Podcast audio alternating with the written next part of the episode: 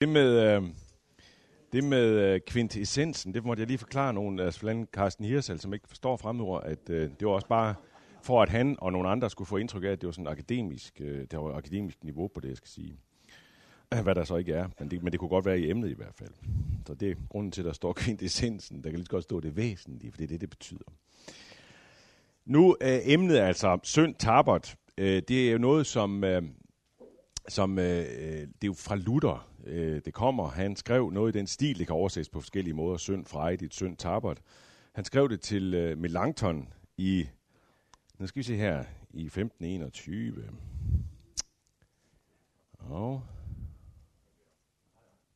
sådan. Ja. Og det virker. Nej. Hvad så? Så ikke bare det, det var mute, ikke? Kom så. Der var du. Godt. Sådan her skrev han cirka om Melanchthon, som efter sine, det ved jeg ikke så meget om, men de var i hvert fald forskellige personligheder, som efter sine var altså en, en mere sådan, måske mere en Luther, en mere anfægtelig, øh, anderledes personlighed, som Luther en gang imellem måtte, måtte hjælpe lidt på vej. Hvad ved jeg? I hvert fald skrev han sådan her, så synd frejdigt, men tro og glæd dig endnu mere frejdigt i Kristus, for han er sejrig over synd, død og verden. Så længe vi er her, kan vi ikke undgå at sønde. Sådan skrev han frit og evangelisk, som han nu kunne det. Og hvordan kan man så få tanken, at, at det der skulle være det væsentlige i det lutherske evangelium? Jo, det kan man jo, man kan få den tanke, fordi det jo sætter evangeliet på spidsen. Det forkynder evangeliet på spidsen. Og øh, det, det, det forkynder evangeliet der, hvor det, hvor det er allermest nødvendigt, og hvor det måske også er allersværest at høre, nemlig når man har slidt og slæbt med at få bugt med sønderne, øh, og det lykkes ikke. Og lige der er det jo, at det både kan være svært at høre evangeliet, men når man hører det, når det trænger igennem, så bliver det jo også allerstørst. Altså alle det, som Paulus skriver i Romerbrevet, blev synden større, er nåden blevet så meget desto større.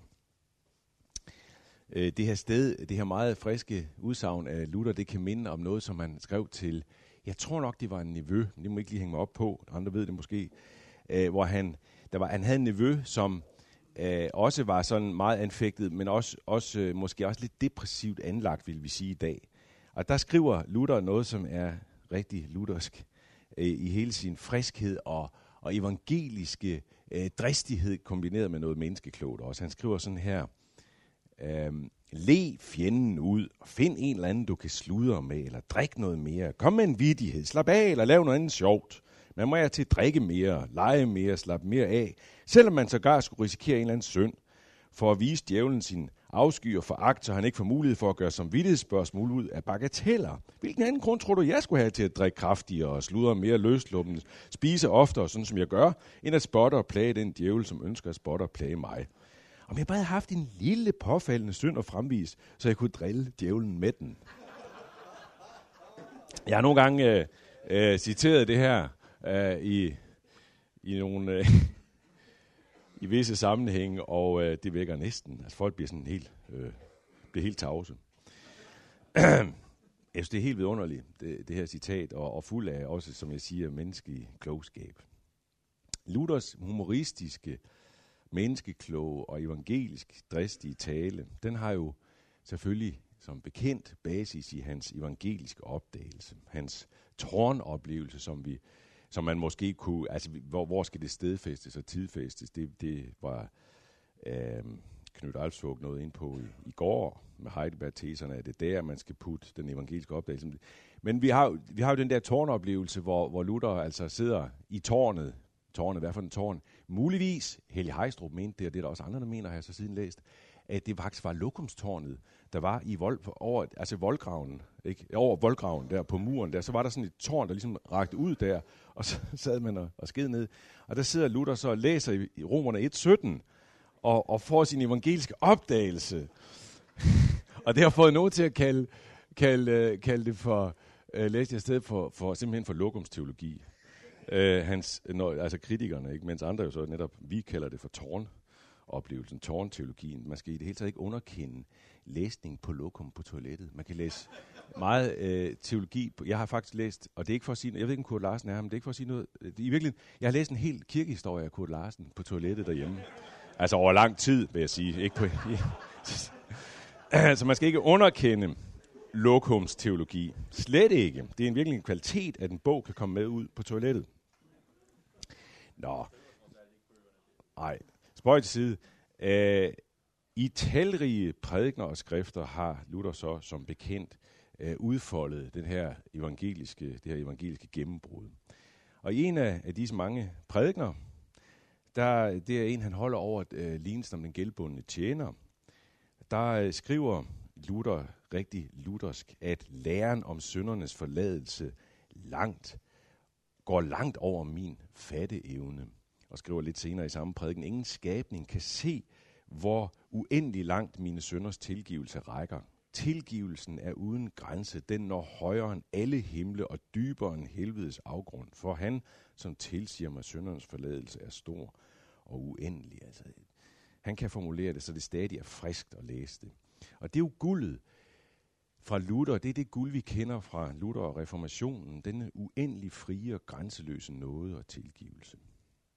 Men, så er det rigtigt, som Asger også sagde det i introduktionen, at hvis man er lidt opmærksom, så har man nok tænkt alligevel, at det emne, uh, som er sat over det her foredrag, at der er måske alligevel et skjult forbehold i det.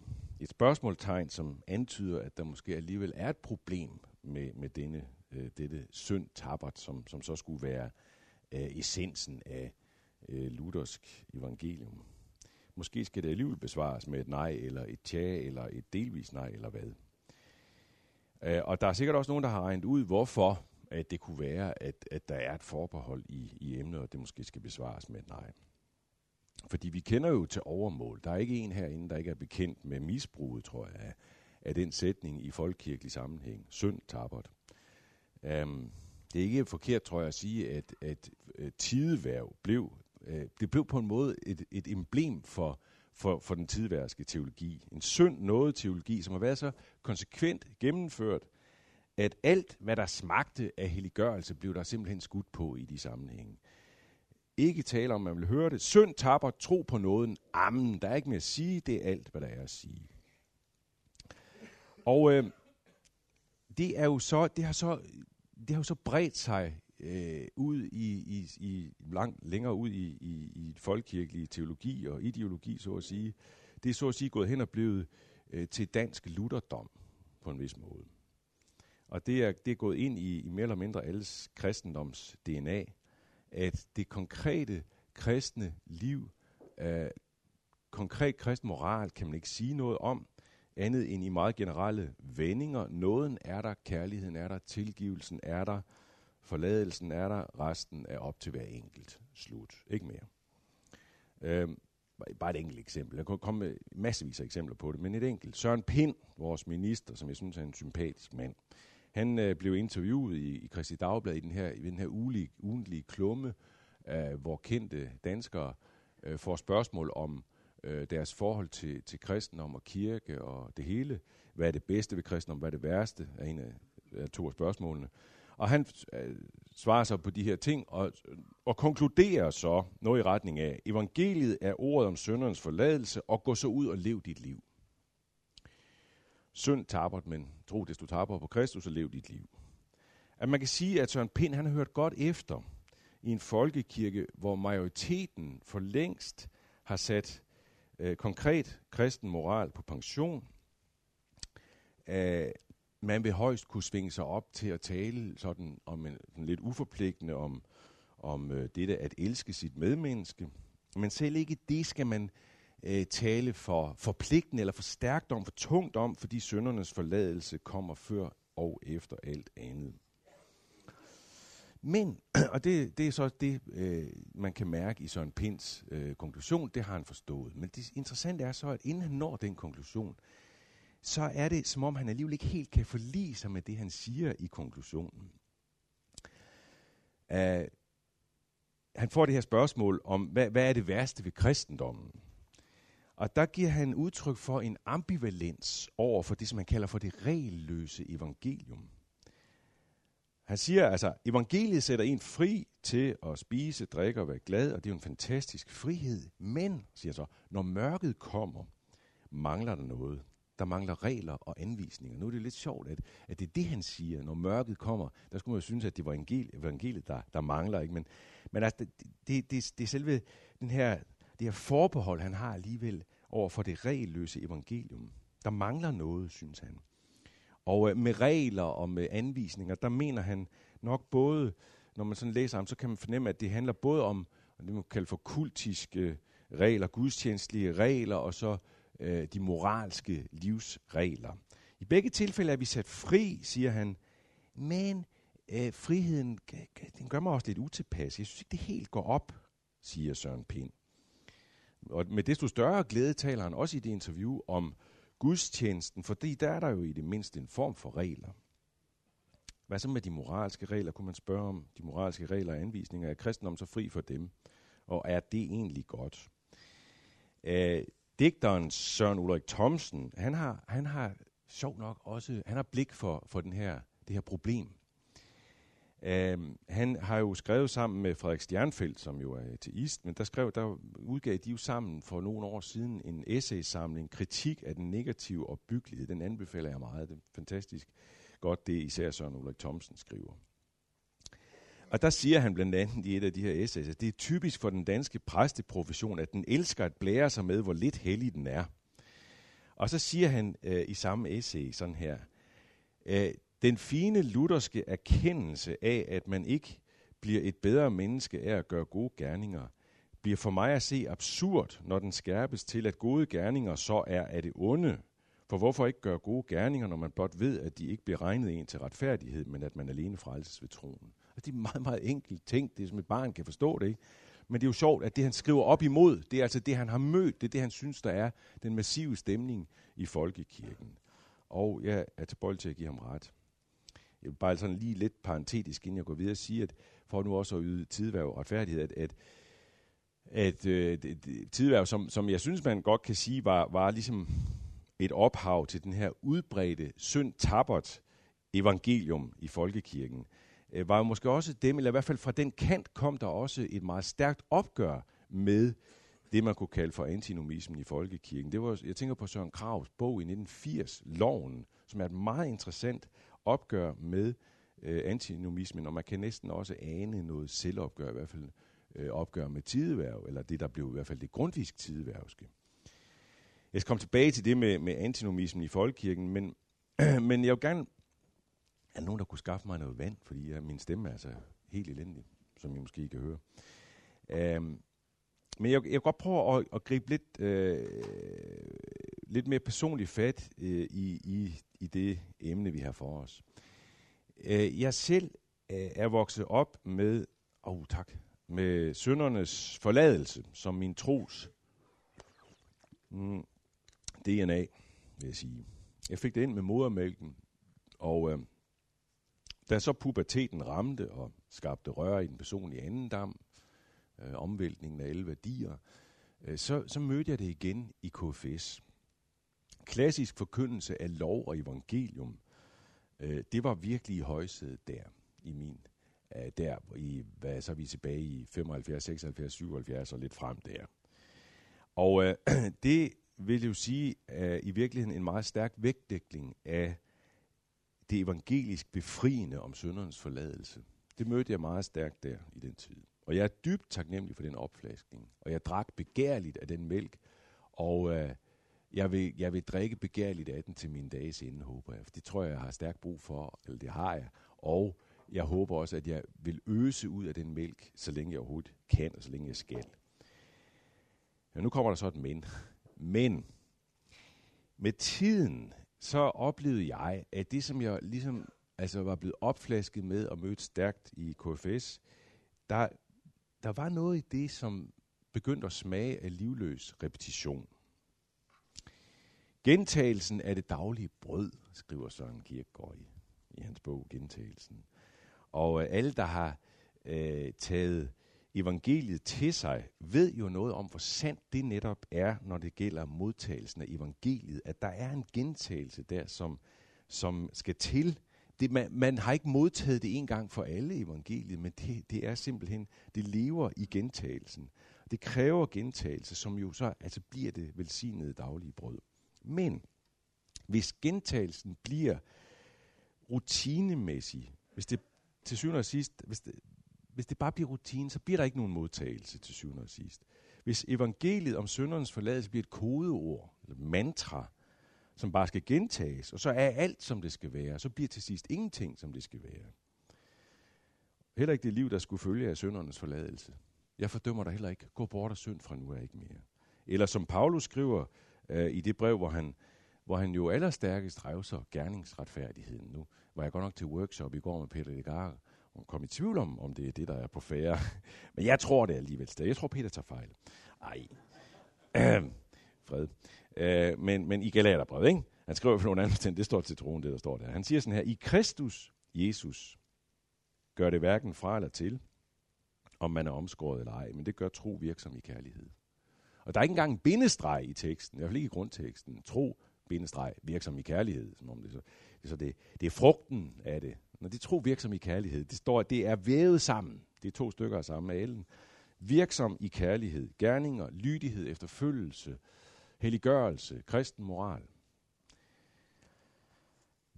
Nu er det jo nok sådan, at KFS og alle slags missionsbevægelser og alle mulige beslægtede bevægelser omkring det i og, og omkring folkekirken.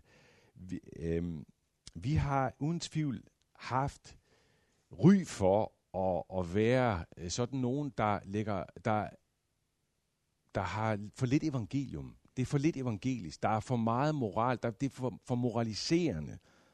Der er for lidt evangelium. Og det er jo en anklage, vi ikke uden videre kan afvise. Det er helt sikkert. Der findes masser af sur moralisme og fariseisme i vores kredse. Og jeg tror, det er et, et stort problemfelt hos os, faktisk. Men jeg vil også godt sige, at, at det tror jeg sådan set, det er øh, egentlig til alle tider for alle mennesker. I hvert fald forstået på den måde, at trangen til selvfrelse og dermed fariseisme og moralisme er og bliver den store udfordring for os som mennesker.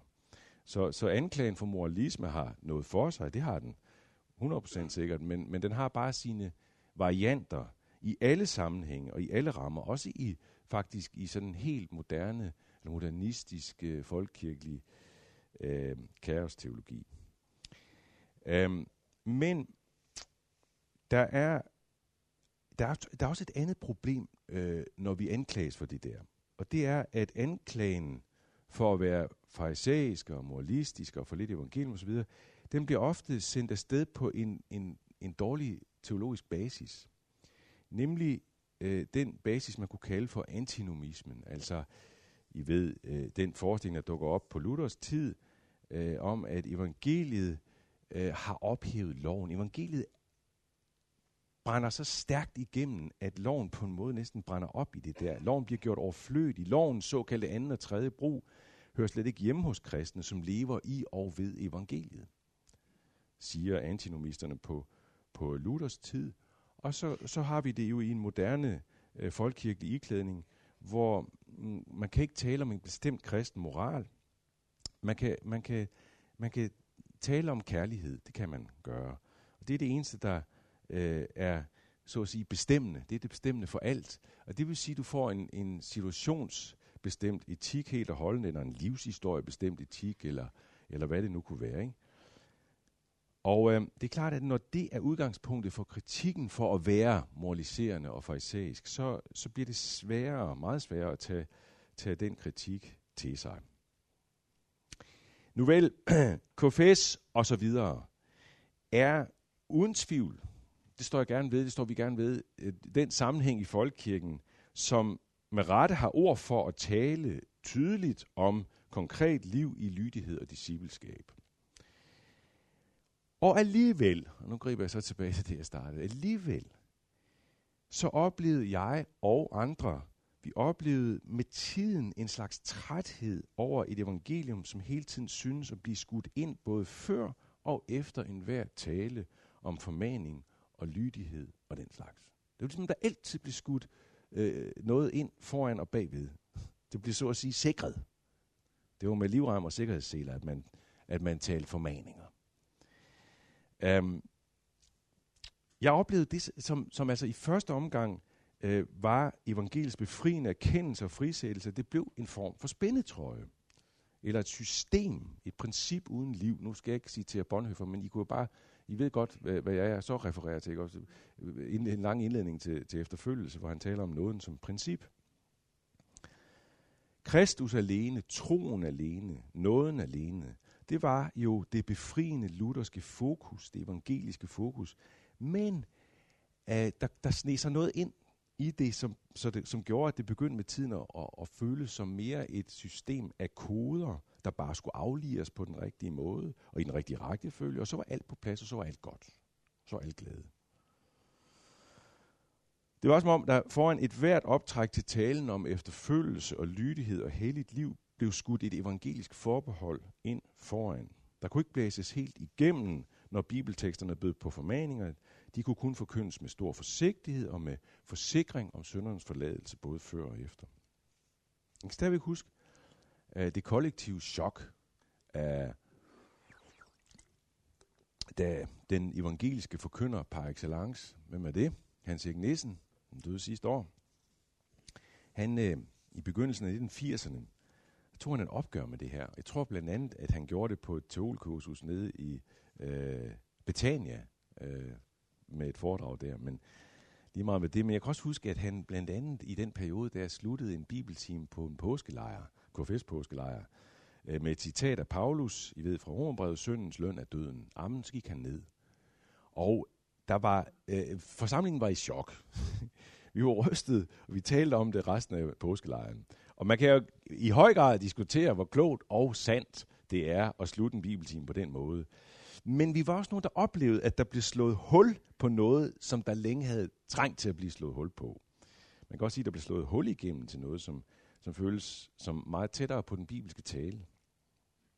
Når vi for eksempel læste bjergprædiken, og ligesom fik den lempet ind i, uh, ind i det der system, uh, hvor overskriften lød lov og evangelium, sådan at Jesu ord kunne ikke blive til meget andet end lovens afslørende tugt, som førte os lige lugt armene på, på Kristus. Øh, vi havde jo alle sammen erfaringer af, at der var noget sandt. Der kunne være, der, der kunne være en erfaringssandhed i den måde at møde bjergprædiken på, eller blive mødt med Jesu ord på i bjergprædiken der. Det har vi alle sammen erfaringer af. Det kunne virkelig være sådan, ikke? Altså den afslørende øh, effekt af det, som man fik brug for Kristus i den grad. Men når det blev læsningen hver gang, så oplevede vi, at der var noget, der ikke stemte. Mente Jesus det virkelig ikke, når han sagde, at vi skulle elske fjenden, eller bede for dem, der forfølger os, eller pille bjælken ud af vores eget øje, før vi man begynder at pille ved splinten i medmenneskets øje.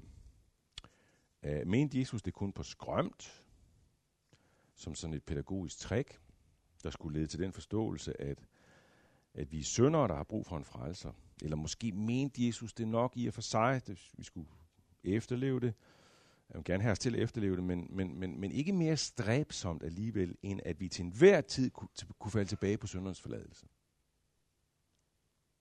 Søren Kierkegaard han har sin egen måde at indfange denne evangeliske træklæsning på.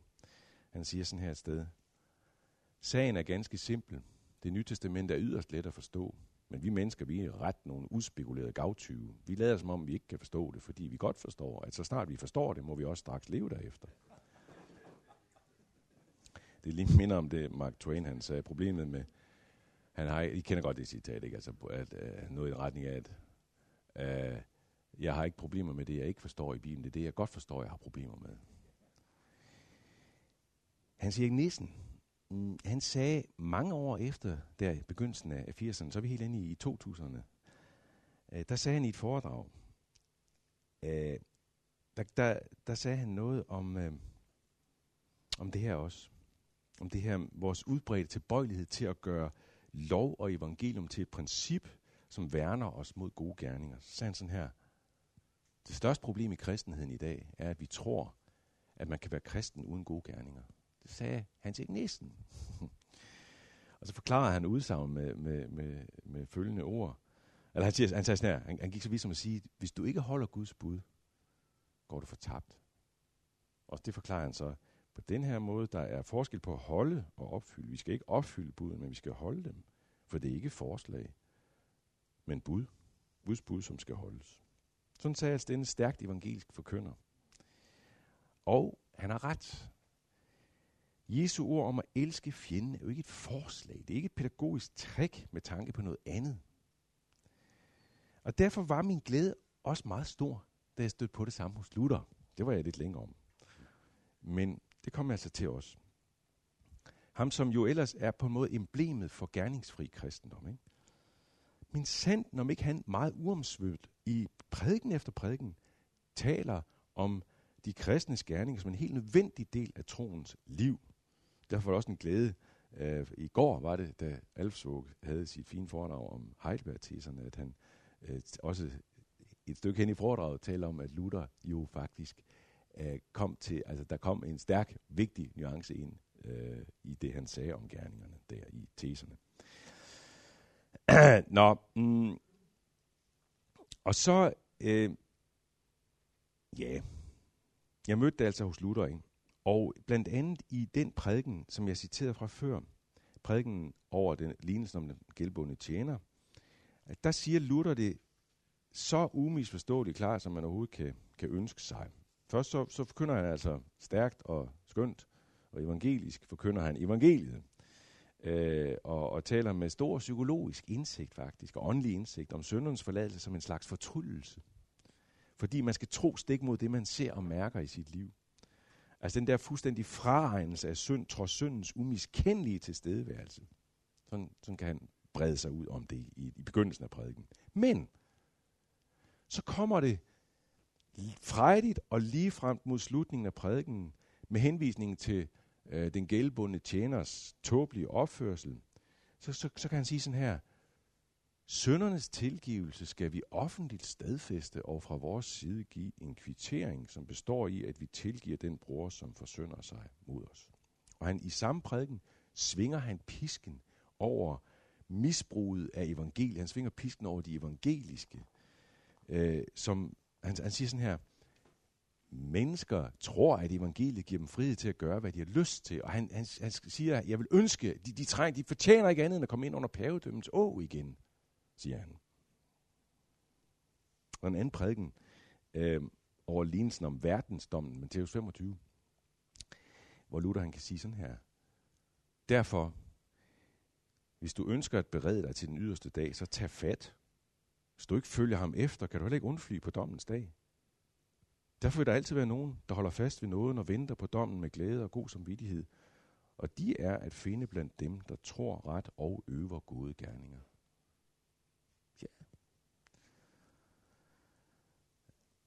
Det var ikke bare forbavsende at møde det her hos Luther, men jeg synes det var, det var det sted befriende, for det stemte ganske enkelt bedre med Bibelens og virkelighedens tale.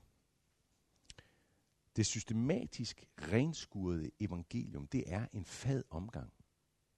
Det er som at drikke en øl, der har stået åben i tre dage. Det smager ikke godt. nu har jeg så talt om det her i datid, som om det er et overstået stadium. Mm, som om Hans Erik Nissens ord og mødet med, med, med det samme anlæggende hos Luther, at det har ligesom rettet op på det hele. Så enkelt er det selvfølgelig ikke. Jeg tror, at der er lige så meget brug for dette wake-up call nu som for 30 år siden. Og øh, jeg har selv den tilbagevendende anfægtelse som præst, at øh, nu går jeg så op igen på prædikstolen. Jeg har jeg har forberedt prædiken godt, og jeg siger en masse velforberedte ord og tanker, og hvis jeg er heldig, så lykkes det mig endda at sige tingene med en vis effektfuldhed. Øh, der en, skaber en vis foruroligende effekt i dem, der lytter, sådan at vi alle føler, at vi tror på noget, som bestemt ikke er ligegyldigt. Øh, og vi går fra kirken med en god smag i munden, en stærk smag i munden. Vi har ligesom igen været i berøring med noget sandt, der er alvor i os går ud af kirken og nikker betydningsfuldt til hinanden. Men resten af ugen er noget andet. Det bliver ligesom to rum. Der er et rum i kirken, måske i missionshuset kunne man også tænke sig det her, hvor ordene skaber en egen form for virkelighed, som lever i og med ordene. Når ordene lever, så lever den virkelighed. Men udenfor, uden for ordenes rum, eller uden for, for denne ordenes virkelighed, der er der et andet rum, og der, der er som om, at ordene forsvinder, deres virkelighed forsvinder. Ordene får ikke krop. Det bliver ord uden inkarnation. Modsat Kristus, der var det inkarnerede ord, og ville, at hans disciple skulle inkarnere ordet på samme måde i liv og gerning. Det er min anfægtelse mange gange. Jeg kan huske, det ramte mig som en hammer, da jeg for ganske mange år siden nu læste øh, Per Olo Enqvists Levis øh, rejse. I ved den, måske nogen af jer læst den. Jeg anbefaler en meget stærk bog, om, som, som handler om noget, der historisk fandt sted, nemlig øh, I ved, øh, Levi Petrus, øh, den store ham, der, som blev øh, øh hvad skal man sige, pioneren for pinsen, det som blev en meget, meget stor øh, pinsekirke i Sverige, som jo på et tidspunkt havde 100.000 medlemmer, eller over 100.000 medlemmer. og øh, Levi Petrus, øh, øh, der sker det på et tidspunkt ret tidligt øh, i vækkelsens tid, at han at øh, en, en fremstormende svensk forfatter ved navn Sven Lidman, han var sådan en opgående stjerne på den svenske litterære himmel, han, øh, han bliver simpelthen begrebet den her vækkelse. Og han bliver meget nære venner med Levi Petrus, og de danner sådan en slags par, som komplementerer hinanden meget godt. De er meget forskellige, men, men, men de bliver sådan et fantastisk, øh, de kører et fantastisk parløb der i, i spidsen af, af den her pinsevækkelse i Sverige. Og så ender det faktisk med, at, der, at, de, de, øh, at det ender i et stort øh, opgør mellem, at de bliver uvenner, og, og det, det kommer til et, et meget, meget bittert brud. Øh, og Svend Liedmann forlader jo i hvert fald øh, pinsevækkelsen og Levi Petrus. Og det er altså det, han har skrevet sin bog på, Levis rejse. Og der har han ladt en, jeg tror det er en fiktiv person, Efraim, være fortæller i, i bogen der, og fortæller om det her. Og, han, og langt hen i bogen, så reflekterer Efraim over alt det sørgelige, altså den her skilsmisse mellem de to, og alt det sørgelige, der fuldt af det. Og så siger han sådan her, det var det, der ramte mig meget stærkt, da jeg læste Hvorfor hænger det ikke sammen længere? Hvad var det, vi gjorde? Hvorfor var afstanden mellem virkeligheden og sproget så stor? I sproget skete alt muligt, og uafbrudt ved Guds nåde, åndens indgydelser gennem Jesu trøsterige nåde. Og jeg tænkte, det her udtryk, afstanden mellem virkeligheden og sproget, det er nemlig det er min tilbagevendende anfægtelse. I sproget skete, sker alt muligt. I sproget kan det ske, når ordene lyder. Men er det kun i sproget? Er det kun i kirken, når ordene lyder og følelserne sættes i sving, og vi føler det så stærkt? Men ellers, ja. Yeah. Luther, han havde noget af den samme anfægtelse, har jeg fundet ud af. Han holdt øh, i 1532 nogle prædikner over 1. Johannesbrev, øh, kapitel 4. Og der beskriver han, hvordan den evangeliske fornyelse fik alverden til at komme styrten og med begejstring tage det til sig, som blev forkyndt. Men så kommer anfægtelsen. Men andet kommer der ikke ud af det. Og at det har været falsk, viser sig ved, at de ikke holder ud. Egensindige og stivnakkede falder de fra og danner klikker, splitter den rene lære ad og den kristne kirke. Og det er et slut med det hele.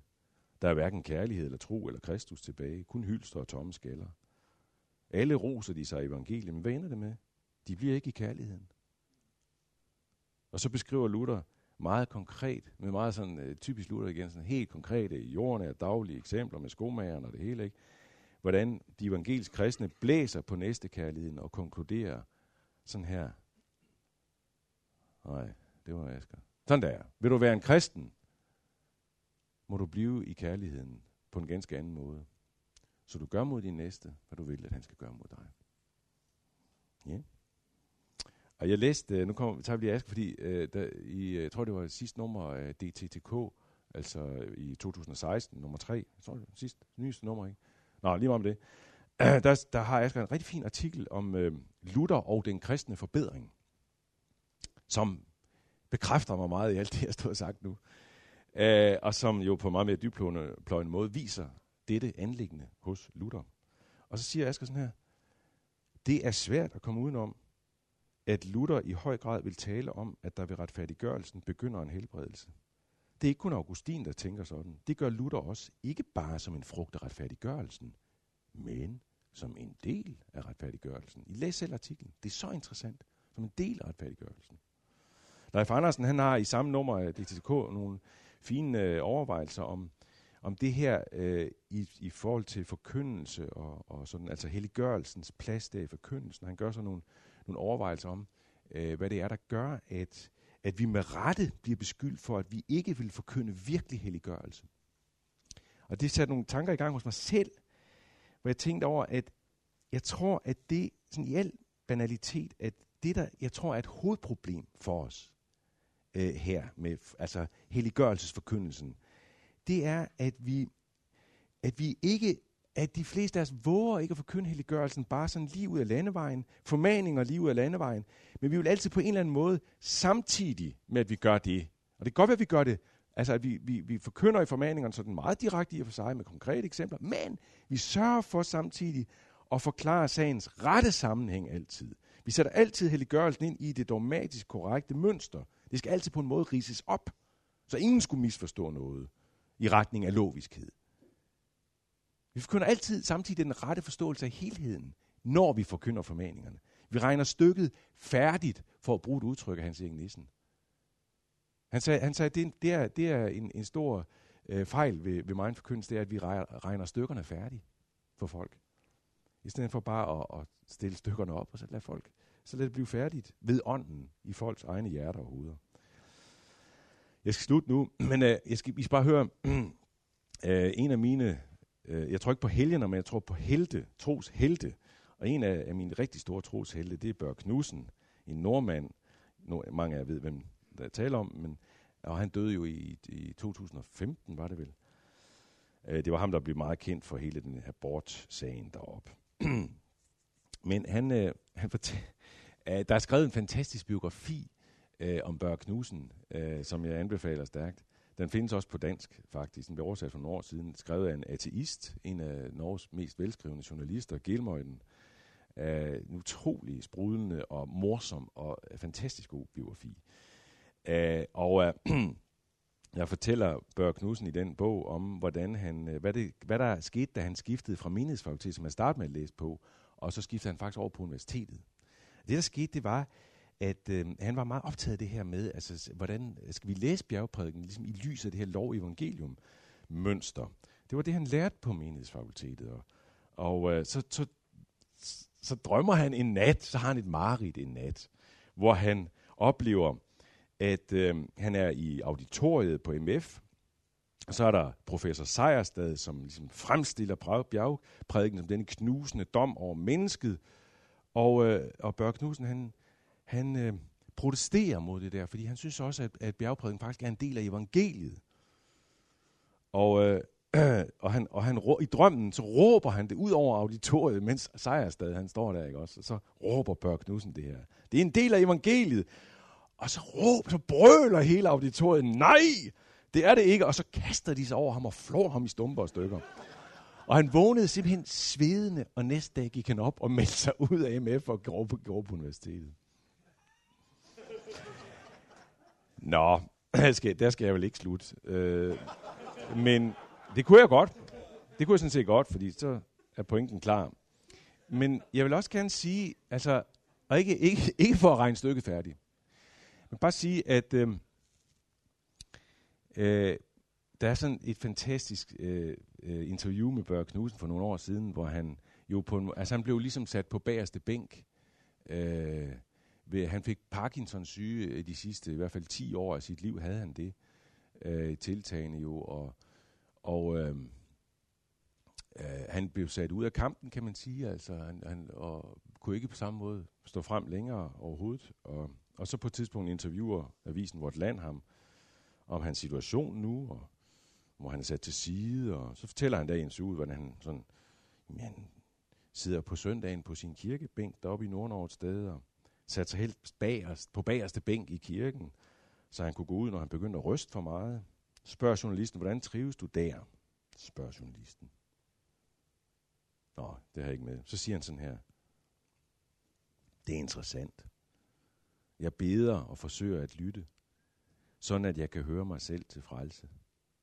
Det er en stor glæde at sidde og være en fattig sønder, som får lov til at tro sine sønder forladt igen og igen. Ja, så slutter vi der.